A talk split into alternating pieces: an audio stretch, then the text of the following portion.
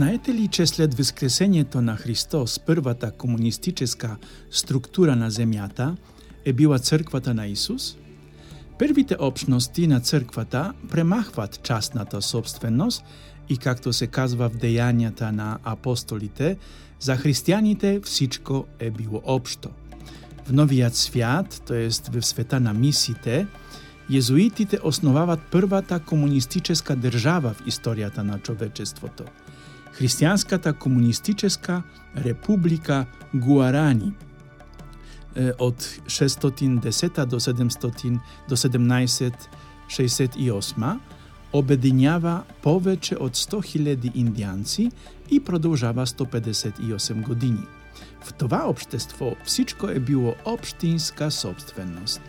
Тогава Исус комунист ли е бил? Не знам но знам, че в днешното Евангелие Исус одобрява капитализма, којто печели повеќе е подобр. Повеќе в днешниот подкаст кем којто ви кања сердечно. Аз сум отец Кшиштоф, аз сум капуцин, живеја в Инсбрук. През последните две години записвам е, подкастите под заглавието Ја, мхм, Това са размишля... размишлявања врху неделните четива или говорја за мисите. Можете да намерите подкастите ми на сервера jamhm.podbin.com. Всяка собота од 12 часа нататък има нов подкаст.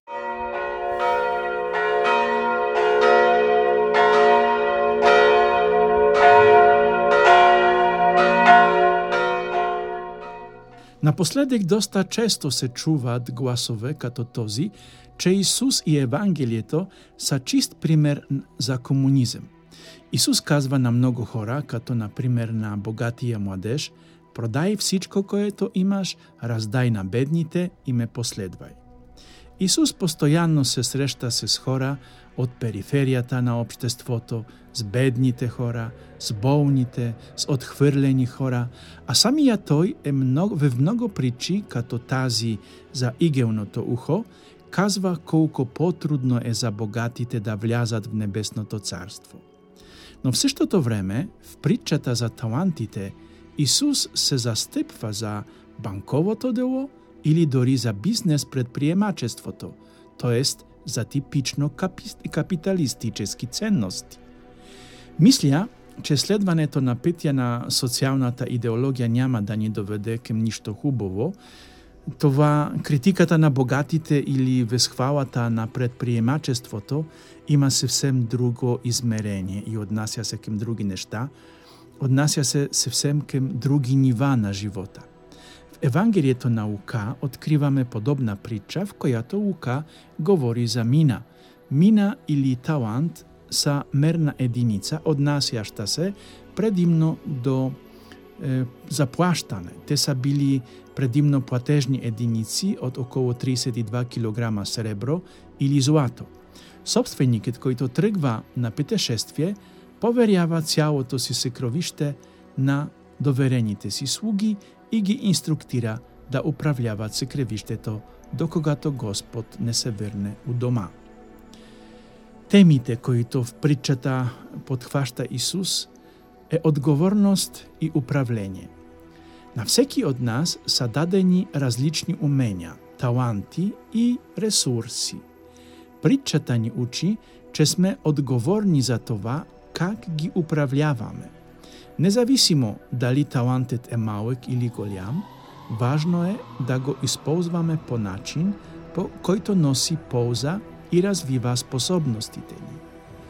Друга од темите е инвестиција и развитие. Служителите кои инвестират медро своите таланти са вознаградени.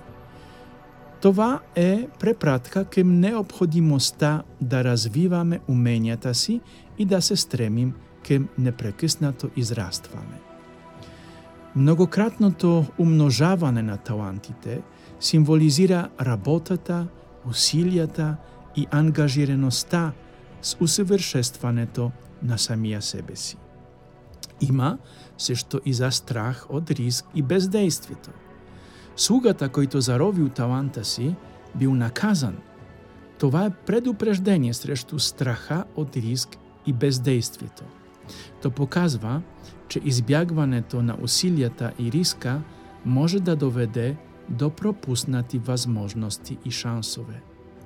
И на краја има и за справедливост и вознаграждение. Вознаграждението е пропорционално на усилията и ангажираността на всеки слуга. Това е напомняне, че нашите действија имат последствија и че наградата или наказанието са сврзани с нашите усилија и решења. Скепи братја, само кураж. До сега оште ништо не сме направили, нека да се хванем и да правим. Амин.